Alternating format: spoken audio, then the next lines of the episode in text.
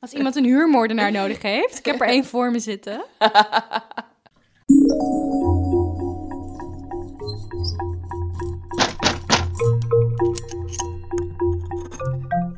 Al sla je me dood. Wij hadden een berichtje gekregen op Instagram waarvan de haren in onze nek overeind gingen staan. Ja, klopt. Een bericht van Tamara.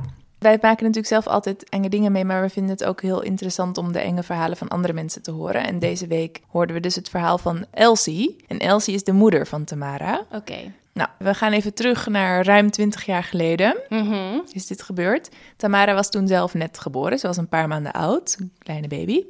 En op een dag kregen ze bezoek. Of nou, ze kregen waarschijnlijk gewoon heel vaak bezoek natuurlijk. Want zo gaat dat met baby's. Al die mensen willen beschuit met muisjes eten. Ja. En daar waren ook soort zakenpartners van haar vader waren op bezoek. Of zakelijke con- contacten, een beetje onduidelijk. Nou, dat was heel gezellig. Het waren mannen en die hadden ook, eh, sommigen hadden ook hun vrouw mee. En nou, die kwamen dus naar de baby kijken, dus naar Tamara. En ze nodigden elkaar zelfs uit voor de verjaardagen van de kinderen. Dus nou, dat was allemaal heel leuk. Mhm. Nou, toen ging dat bezoek weer naar huis. En een paar dagen later was er een dag dat de schoonmaakster langskwam bij dat gezin. En toen ging de schoonmaakster ook even op Tamara oppassen, zodat de moeder, Elsie, boodschappen kon doen. Oh ja.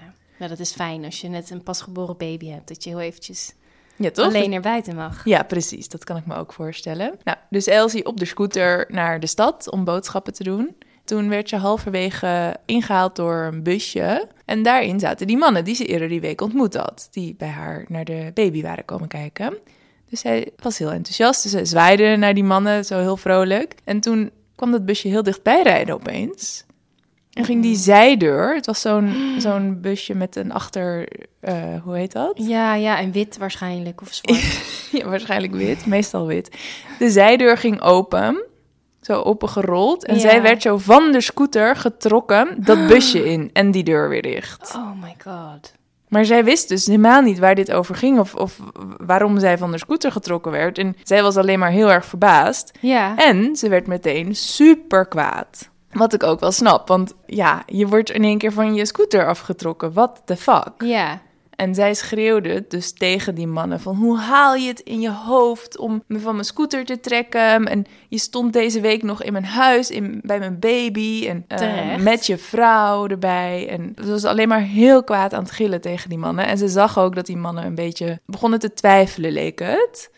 Ja, die dachten natuurlijk van, oh, wij zijn eh, grote stoere mannen en wij trekken dat vrouwtje wel even van de scooter af. En die hadden niet, niet voorzien dat die vrouw ook behoorlijk pittig eh, uit de hoek kon komen. Ja, die dachten natuurlijk dat meisje meteen heel bang... die gaat in een hoekje liggen huilen. Zoals Sylvia zou doen, maar...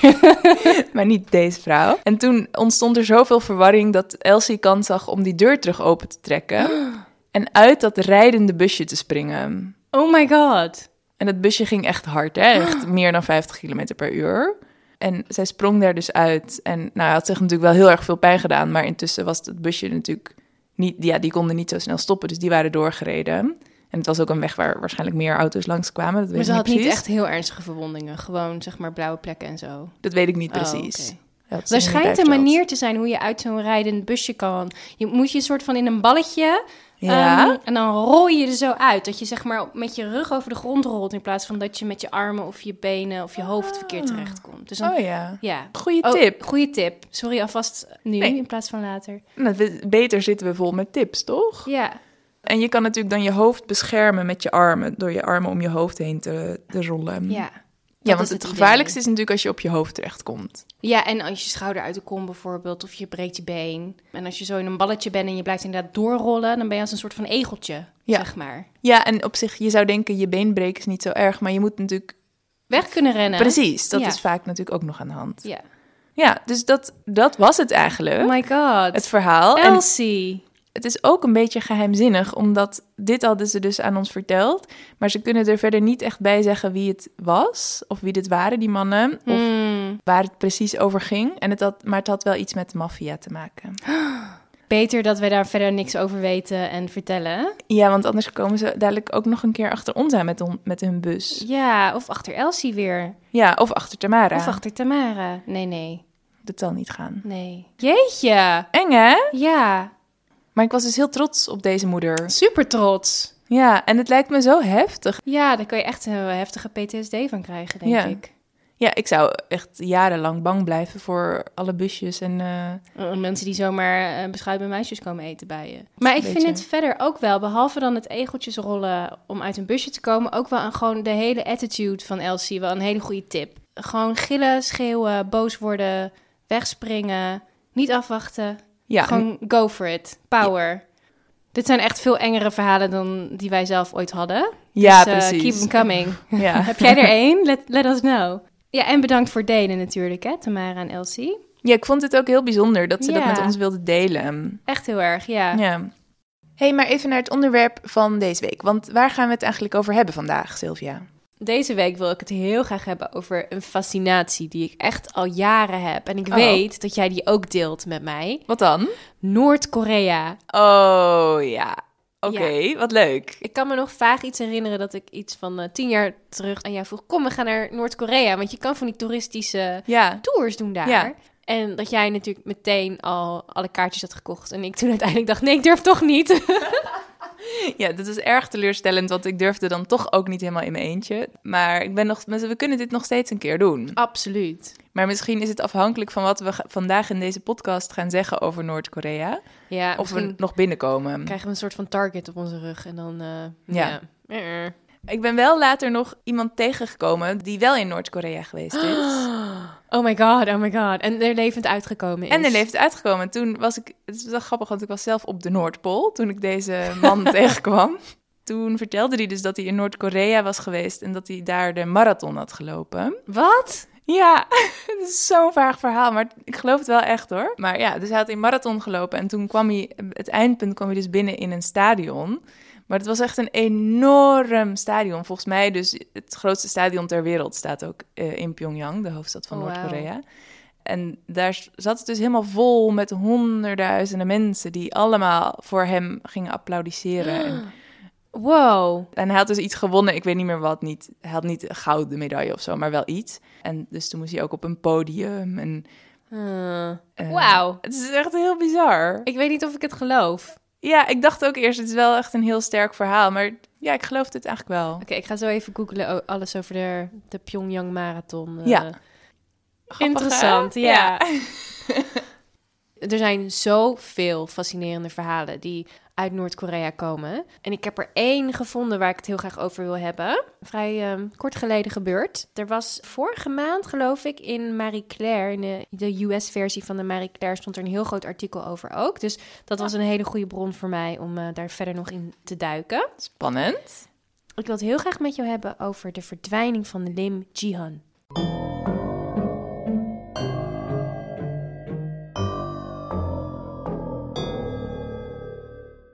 Het is april 2017 en in het Gangnam District van Seoul. Oh, met Ja. dat filmpje met die paarden. Ja, Gangnam. Hebben ze daar veel paarden?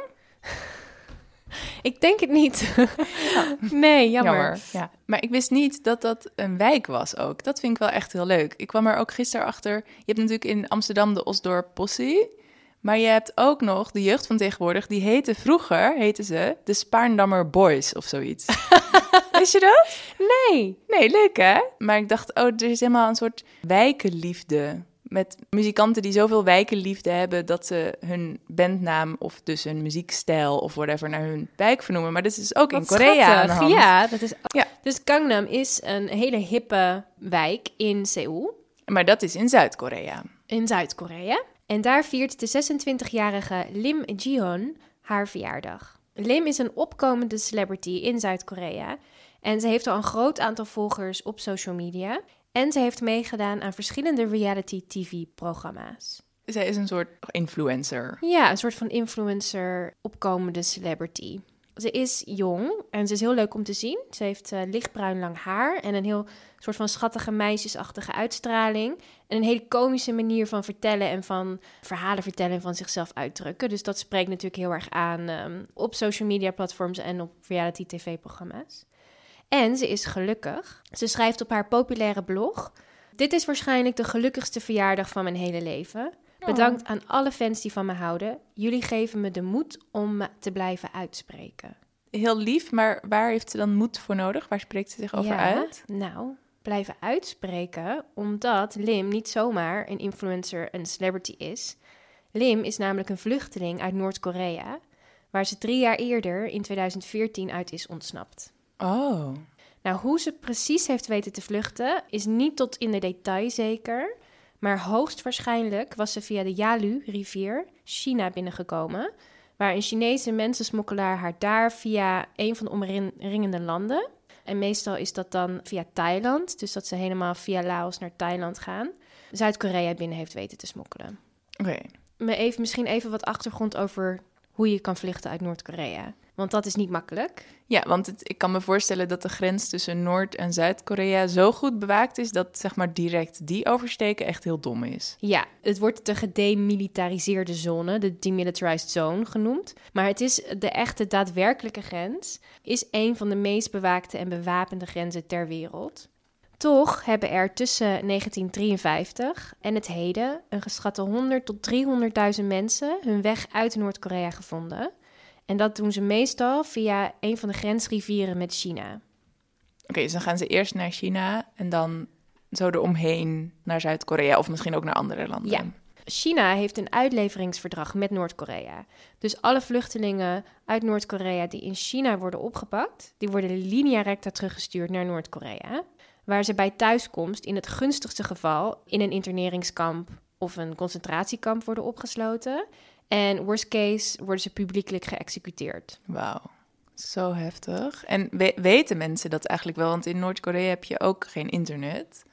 Dus weten ze überhaupt dat het in China niet veilig is voor ze? Via mensensmokkelaars weten ze dat wel. Ja.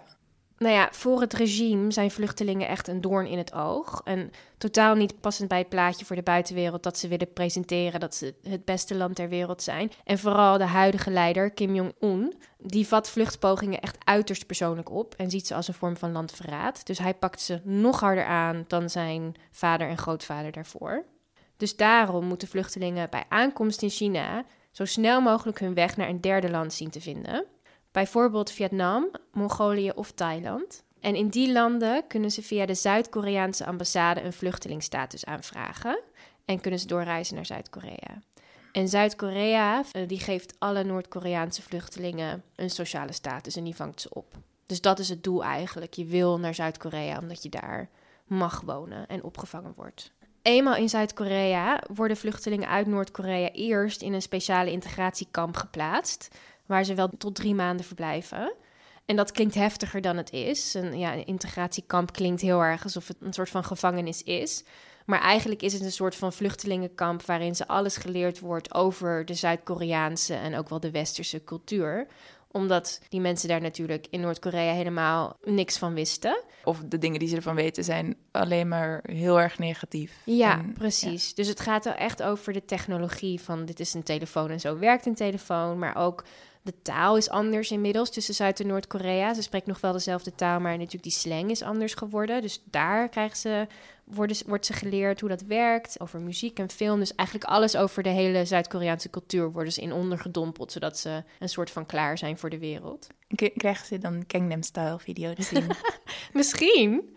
Misschien, ja. ja, maar dat snap ik wel. Dat je echt wel drie maanden nodig hebt als je eh, compleet afgesloten van de wereld geleefd hebt. Om te begrijpen hoe de wereld nou eigenlijk echt werkt. En- Ja, en ook die kleine dingen, maar ze krijgen ook psychische hulp. Wat ik ook ergens las in een artikel is dat mensen in Noord-Korea hun hele leven is voor de staat.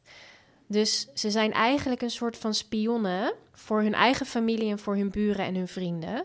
Dat als iemand iets verkeerd zegt over het regime of over de leider, dat die dan meteen doorgegeven wordt aan de politie. Dus in Noord-Korea heerst een enorme paranoia dat je eigenlijk niks durft te zeggen tegen niemand. Tegen je eigen man niet, tegen je eigen kind niet, want iedereen kan zich tegen je keren. Maar dat is heel erg moeilijk om te deprogrammeren als je Mm, eenmaal in Zuid-Korea bent, waar mensen gewoon een grapje maken en dan maken ze een grapje.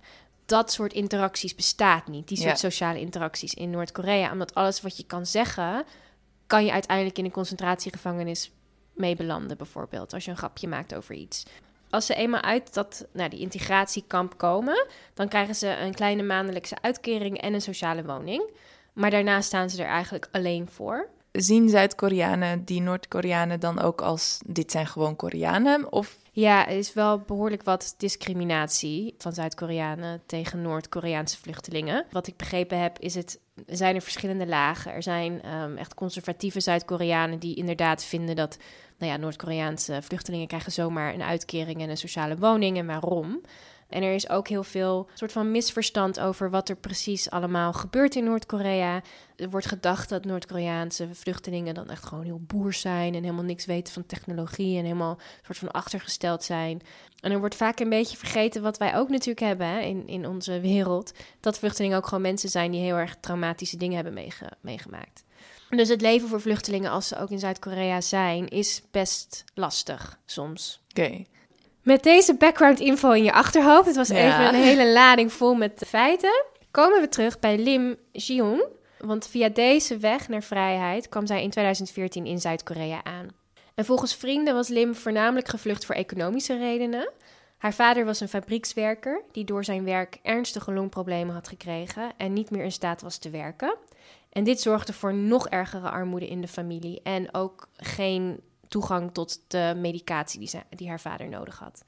Dus Lim wilde voornamelijk naar Zuid-Korea gaan om geld te verdienen en dat terug te sturen naar huis, zodat haar ouders medicatie en eten konden kopen. Nou was Lim altijd al een heel erg ondernemend typetje geweest. Zo vertelde ze zelf ook een keer dat ze in een van die reality tv-programma's dat ze als tiener zelfs een keer eigen gemaakte alcohol gemaakt had. Dus dan heb je die moonshine weer van de Tosti-aflevering. Ja.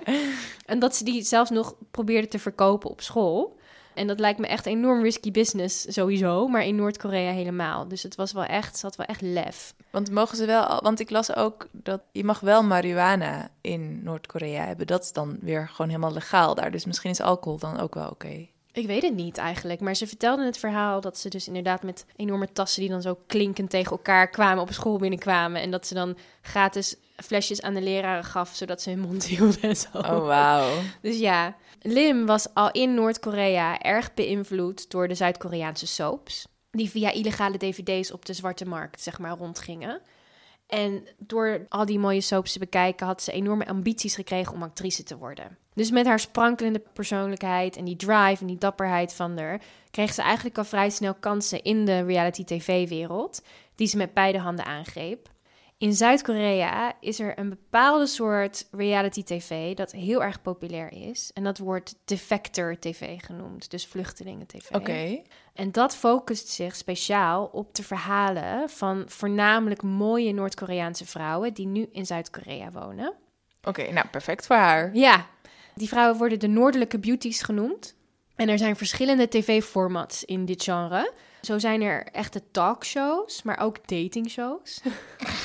Jezus. Want er is ook een soort van fetish van Zuid-Koreaanse mannen voor Noord-Koreaanse vrouwen. Oh, het is ook een beetje naar. Een, een beetje naar is het wel. Um, want er wordt gedacht dat Noord-Koreaanse vrouwen van nature dan meer gehoorzaam en dankbaar zijn tegenover hun mannen. Oh, En dat, Jesus. dat, dat vinden ze fijn. Wat natuurlijk zo is, omdat ze onderdrukt worden daar. Ja, maar ook in Zuid-Korea is die sociale ongelijkheid tussen man en vrouw erg hoor. Er zijn verschillende programma's, bijvoorbeeld een hele beroemde dat heet Now on My Way to Meet You. En dat is een soort van comedy variety show waarin vrouwelijke vluchtelingen hun verhalen vertellen en dan liedjes zingen. En dan zeggen ze dat allemaal, vertellen, ze hun verhalen tegen een panel van vier Zuid-Koreaanse mannen. Ik heb een stukje gekeken, het was me niet helemaal duidelijk wat precies het format was, moet ik heel eerlijk zeggen. Maar dan kiest één man ze of zo, of wat? Nou, het stukje wat ik gezien had, ging er dan over een vrouw die dan. Er was dan een soort van stelling, zo van. Publiekelijke executies in Noord-Korea nemen toe in de lente, waar of niet waar. En dan moesten de Zuid-Koreaanse mannen dat, dat raden. En dan kwam het tevoorschijn van ja, dat klopt. En dan gingen dan die Noord-Koreaanse vrouwen vertellen over hun eigen ervaringen met publiekelijke executies. Oh my god, dit is ook wel echt heel naar. Ja, het was wel heel naar, want ik zat dan naar zo één zo'n verhaal te luisteren en ik, ik moest echt gewoon bijna overgeven, zo naar was het. En dan zitten daar... Maar vooral in, om dat in zo'n lekker format te gieten en er entertainment van te maken. Ja, ja. Ugh. Ja, er, was, er is ook een show dat heet Love Unification, Southern Man, Northern Woman. En dat is een datingshow waarin dus Zuid-Koreaanse mannen dan gekoppeld worden aan Noord-Koreaanse vrouwen. En die gaan hun dan soort van leren hoe een magnetron werkt en zo. Echt wel een beetje walgelijk ook ja, allemaal. Ja. Nou ja, volgens de producers van die soort shows is het gericht op de eenwording van beide naties. Dus iedereen daar heeft een soort van idee dat in de toekomst die twee landen wel weer één worden. Maar er zijn natuurlijk ook kritische stemmen zoals jij en ik nu. die vinden dat het gewoon ehm, het leven van Noord-Koreaanse vluchtelingen bagatelliseert. Ja. Anyway, lang verhaal kort. We zijn weer flink afgedwaald. Ja. Sorry. Lim kreeg de mogelijkheid om mee te doen aan een aantal van deze programma's. En die kans greep ze niet alleen met beide handen aan. Ze werd er ook heel erg succesvol mee. Naast dat ze optredens deed op deze shows, deed ze ook livestreams op haar social media kanalen. Waar ze openlijk praatte over haar verleden en vragen beantwoordde van volgers en fans. En ze kreeg steeds meer fans en steeds meer volgers. En naarmate ze steeds bekender werd, begon ze zich ook meer open te stellen over haar eigen verleden en begon ze steeds kritischer te worden op het Noord-Koreaanse regime. Waar ze bijvoorbeeld eerst gewoon vertelde over, nou, zo ziet het leven in Noord-Korea eruit, ging ze nu echt meer in detail over wat ze zelf had meegemaakt. Zo vertelde Lim uiteindelijk in een praatprogramma over haar tijd in het Noord-Koreaanse leger, waar ze vanaf haar zeventiende een aantal jaar had doorgebracht. Het leven voor vrouwen in het leger was, zacht uitgedrukt, een hel.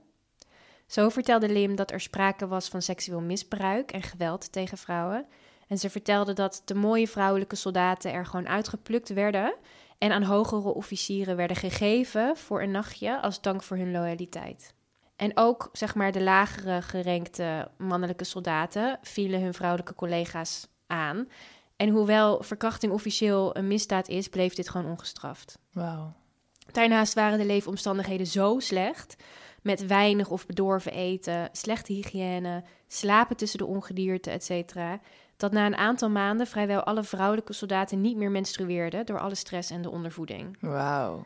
Lim vertelde dit allemaal meer in het globaal en ze ging niet dieper in op haar eigen persoonlijke verhalen. Maar een vriendin van haar vertelde in het Marie Claire artikel dat ze de indruk had dat het wel heel erg zwaar op haar weegde, haar tijd in het leger. En dat ze er daarom, naarmate ze beroemder werd, meer over durfde te praten. Naarmate zij dus meer ging vertellen over haar tijd in het leger, ineens doken er allerlei rare berichten op op het internet.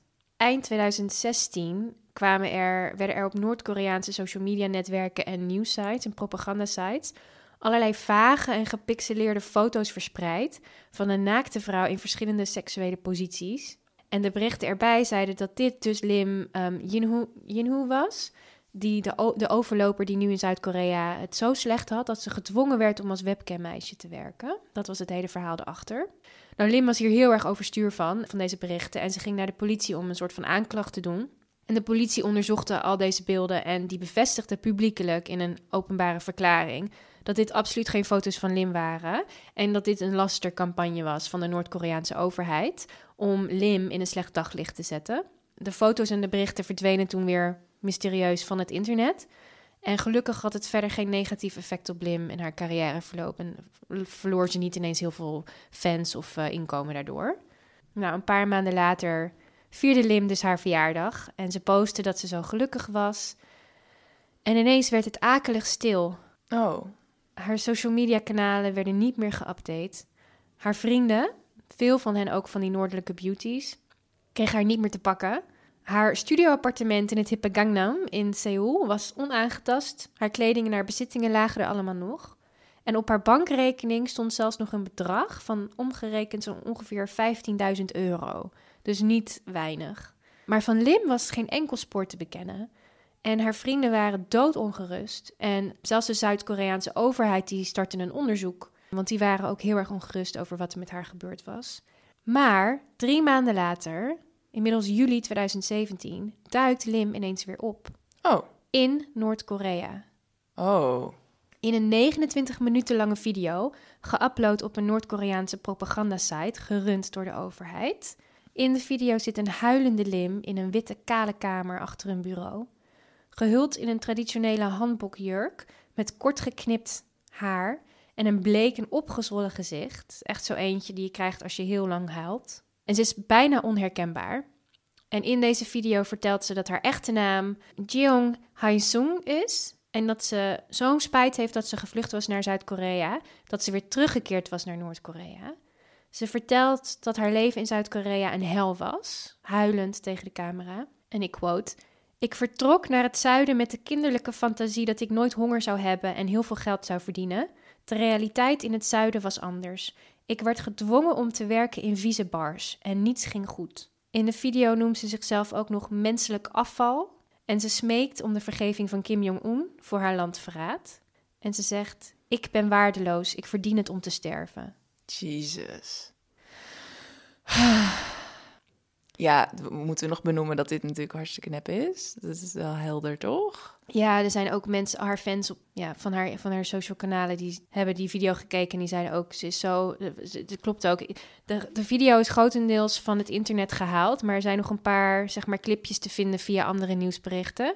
En daarin heeft ze gewoon een heel wit gepoederd gezicht, zeg maar. Ze is inderdaad ook echt opgezwollen en ze ziet eruit alsof ze, nou ja, urenlang gehuild heeft. En um, er wordt ook, zeg maar, door haar fans gedacht dat, dat ze heel veel make-up op heeft om blauwe plekken, zeg maar, ja, weg te poetsen. Wow. Nou, na deze video verscheen Lim nog twee keer in andere kortere propagandavideo's op dezelfde website. Nog één keer een maand later, in augustus. En nog een keer in februari 2018. En ook in deze video's veroordeelde ze het leven in het zuiden. En hierbij uh, ontkent ze ook stellig om, dat ze ontvoerd is door Noord-Korea. Ze zegt: Ik ben zelf via de Yula-rivier tussen China en Noord-Korea teruggezwommen. En dat was het laatste wat er ooit nog is vernomen van Lim. Oh. Geen andere video's of berichten zijn ooit nog meer gevonden van haar. Shit. Volgens de Zuid-Koreaanse politie is er dus wel degelijk sprake van een ontvoering. En ondanks dat ze gewoon weinig bewijs hebben, hebben zij het vermoeden dat Lim met een smoes naar China is gelokt waar ze is ontvoerd. Lim had namelijk zo'n 10.000 euro uh, aan geld naar haar ouders in Noord-Korea um, geprobeerd te sturen via Chinese smokkelaars. Oh, en ja. de politie vermoedt dat deze smokkelaars geïnfiltreerd zijn door de Bowibu. En dat is de Noord-Koreaanse geheime dienst. En dat deze tegen Lim hadden gezegd dat het geld zoek was. En dat ze Lim zouden hebben overgehaald om naar China te gaan om dat geld te zoeken. En eenmaal in China aangekomen zouden ze haar hebben ontvoerd. Oh ja. Wat er na die video's met Lim is gebeurd, kunnen we alleen maar raden. Maar ik denk dat we ook wel kunnen raden dat het niet goed is. Ja. Ongetwijfeld is ze daar gedwongen om mee te werken aan die propagandavideo's. En er zijn dan twee opties. Of ze is in een concentratiekamp beland, of ze is geëxecuteerd. Ja. Al haar blogs en social media kanalen die ze in Zuid-Korea heeft opgezet, zijn kort nadat ze opdook in Noord-Korea allemaal van het internet geplukt. Dus je kan ook echt verdwenen. verdwenen. Ze hebben haar gewoon uitgewist. uitgewist. Dus al haar verhalen zijn ook niet meer te achterhalen of nog een keer terug te lezen. En de angst onder alle andere vluchtelingen in Zuid-Korea, de noordelijke beauties, is nu heel erg groot. Want Lim was niet het eerste en het laatste geval van een vluchteling die is terugontvoerd door het regime. Oh, echt? Ja, er zijn verschillende verhalen over ontvoeringen die Noord-Korea heeft ehm, gedaan van, van de vluchtelingen in Zuid-Korea. En ook eh, zijn verhalen over terug in de jaren zeventig dat Noord-Korea mensen gewoon letterlijk van de stranden in Japan plukte. Via boten terughaalde naar Noord-Korea en zo. Dus En niet- eens per se alleen maar Noord-Koreaanse vluchtelingen die zich uitspreken tegen Noord-Korea, maar ook gewoon een beetje willekeurig. ja, Wauw. Maar dit is het dus. We weten gewoon verder niet. eh, nee. Het is zo raar en zo, zeg maar, bijna niet voor te stellen dat er gewoon een land in de wereld is waar alles zo afgesloten is en zo goed die propagandamachine werkt. En Ja, en dat zelfs als je op nou ja, die verschrikkelijke weg die je moet ondergaan om het land uit te kunnen en dan weer China uit te kunnen en naar Zuid-Korea te komen en dan daar ook weer in een hele moeilijke situatie terechtkomen. Ondanks alles was zij een van, van de succesverhalen, weet je. Ze had zoveel doorzettingsvermogen dat ze, ze was gewoon zo overtuigd om iets van zichzelf te maken. En dan Ja. werd ze uiteindelijk door, daardoor, door al die lef die ze al die tijd heeft, gewoon weer, was haar ondergang uiteindelijk. ja, ik weet niet precies hoe dit zit, maar volgens mij zijn er ook best wel veel andere landen in de wereld die, die geen Noord-Koreaanse vluchtelingen opnemen, maar die, die ze dan in plaats daarvan naar Zuid-Korea sturen. Ja, Wat Ja. ik ook heel heftig vond. Volgens mij doet Nederland dat ook. Dat, Ja, Nederland doet het ook. Ja. Eh, want in Zuid-Korea, dat, weet je, wel, dat ligt ernaast. Dat, dat is gewoon helemaal niet veilig. Nee. Terwijl hier zouden mensen veel veiliger zijn. Omdat, ja, probeer maar eens iemand vanuit Nederland naar Noord-Korea te ontvoeren. Dat gaat niet zomaar. Ja. Hey, en nog een heel ander super raar ontvoeringsverhaal over Noord-Korea heb ik eh, ook gevonden. Oh. Maar dat is ook wel weer echt nog een heel verhaal. Het gaat over een Zuid-Koreaanse regisseur en actrice die ontvoerd zijn door Noord-Korea Oh, wauw. om daar propagandafilms te gaan maken. Oké. Maar dat is zo'n heel verhaal nog. Daar gaan we een bonusaflevering over maken. Oh, wat leuk. Ga jij mij dan het verhaal vertellen? Ja, Oh, wat leuk. ja. Dus als je detective bent op onze Petje Af pagina, dan kun je daar die bonusaflevering luisteren. Wat leuk. Oké. Ik heb er zin in. De grote wat moet je doen als je bijna vermoord wordt tip. Kaboing. Ik heb dus een verschrikkelijk goede tip. Ik zat te denken, als je zo erg gemanipuleerd wordt of bedreigd, dat je iets moet zeggen wat je niet echt wil zeggen. Wat dus bijvoorbeeld als je door Noord-Korea ontvoerd wordt, maar ook als je gegijzeld wordt in een andere situatie. Ik bedoel, dat gebeurt natuurlijk op meerdere plekken in de wereld. Dat je iets moet zeggen wat, wa- zeg maar met een soort pistool op je hoofd, die dan net buiten beeld is. Reële kans, ja. Ja. Zeg maar, nu er nog niks aan de hand is en je denkt dat Mhm. dit jou nooit zal overkomen, spreek alvast iets af met je beste vrienden en je geliefdes. eh, een soort geheim teken. Ja. Wat je kan doen als je dan ergens later een keer in je leven, zeg maar, een soort hulpvraag. Ja. Dus bijvoorbeeld iets met je ogen wat je kan doen. Dat je heel even met één oog knippert. Of, of dat je even zo jeuk hebt aan je oor. Dat je even aan je oor krabt. Ja. Misschien moet je iets doen waarbij je niet je handen nodig hebt voor het geval dat ze zeg maar vastgebonden zijn. Ja, Misschien Ja. kan je ehm, zeg maar drie keer achter elkaar je, je lippen likken bijvoorbeeld. ja, of iets wat echt ook zo min mogelijk opvalt. Dus misschien Ja. kun je ook heel erg trainen om iets met je... Ja, of iets met je neusvleugels. Oh, dat kan ik. Ik kan mijn neusvleugels laten bewegen. Ja, en kun je ook één tegelijk? Ja. Kan ik Nou, dat? Ja, Oh, ja. Dus nou, dat is de mijne. Oké, als je ooit Sylvia ergens ziet en ze zegt... Oh, het is hier zo fantastisch in Noord-Korea... maar er zit daar een neusvleugeltje te trillen... dan weet je dat ze ontvoerd is. Ja. En de jouwe? Ik kan wel heel goed één wenkbrauw een beetje hoger dan de andere doen. Laat zien. Sorry. briljant. Wat ik eigenlijk wil, is dat ik, dat ik een soort heel alfabet met mijn wenkbrauw kan. Dus heel subtiel, als je dat dan onder een vergrootglas legt... dat jij dan kan lezen... Een soort van morsecode in... eh, Precies, zodat ik ook niet alleen kan zeggen ik ben in gevaar, maar dat ik ook kan zeggen waar ik ben en Oh, hoe je me kan komen helpen. Je bent de hele tijd terwijl je praat nu dat met dat wenkbrauwtje bezig. Ik vind Ja. het echt heel mooi. Dus dat ga ik oefenen. Dan ga ik jou even wel eh, gewoon even uittekenen wat welke letter is en zo, Ja. zodat jij precies weet hoe je me kan komen redden. Nou, bespreek dit vanavond met je naasten. Zodat jullie Ja. allemaal een, een eigen teken hebben. Voor het geval de Noord-Koreanen of eh, wie dan ook achter je aankomen. Voor ons nu een reële kans. eh. ik ga onderduiken. Oké, succes. Dankjewel. En ben je al detective op onze Petje Af pagina? Nou, ik wel natuurlijk. Ja, ik zelf ook. Dat is heel leuk daar, want daar zijn allemaal bonusafleveringen en extra content die je daar kunt bekijken. Ja, en je steunt ons ook eh, verder met het maken van deze podcast. En we hebben ook al heel erg veel superleuke detectives. Ja, en die gaan we nu bedanken. Chante. Chante? Chan- Chante, denk ik. Ja, ik wist ook niet helemaal hoe je het moest uitspreken, maar dat is, Begint onze, al goed? maar dat is onze aller, detective. Dus die zijn we misschien wel dan ook het allermeest dankbaar. Ja, zo leuk. Dankjewel. Dan ook nog Jennifer, Sven, Lika, Dario, Jolin, Edwin, Rick, Evie, Wilma, die ook een heel leuk berichtje had achtergelaten. Ja. Dankjewel, Wilma. Ja, Wilma zei dat ze te oud was om zich nog te laten omscholen tot detective. En dat, maar dat ze nu toch detective kon worden. Nou, er is denk ik geen betere samenvatting van wat het betekent om detective van als sla je me dood te zijn. Oké, ga jij dan vanaf nu naar de verdere doen? Ja, eh, Chris, dankjewel. Alette, Hanna, Katelijne, Veerle, Roos, Angie, Susha, Paloma. Zo'n mooie naam vind ik dat, Paloma. Ja, vind ik ook heel mooi. Lisa, eh, Rosanne, Nel, Annelies. Dit, en dit ben ik niet zelf, wil ik er even bij zeggen. en Nina. Ja, dus dankjewel iedereen die lid is geworden van onze Detective Club op Petje Af. En wil je daar ook bij horen en een bedankje krijgen in de volgende aflevering? Ga dan naar petje.af slash als sla je me dood. En voor de mensen die we nu genoemd hebben, jullie post is onderweg. Ja, die komt eraan. Behalve als je nog niet je adres tegen ons gezegd had, dan kun je dat nog even doen. Ja. Wil je ons nou ook op andere dingen volgen, dan kan je natuurlijk altijd op subscribe drukken.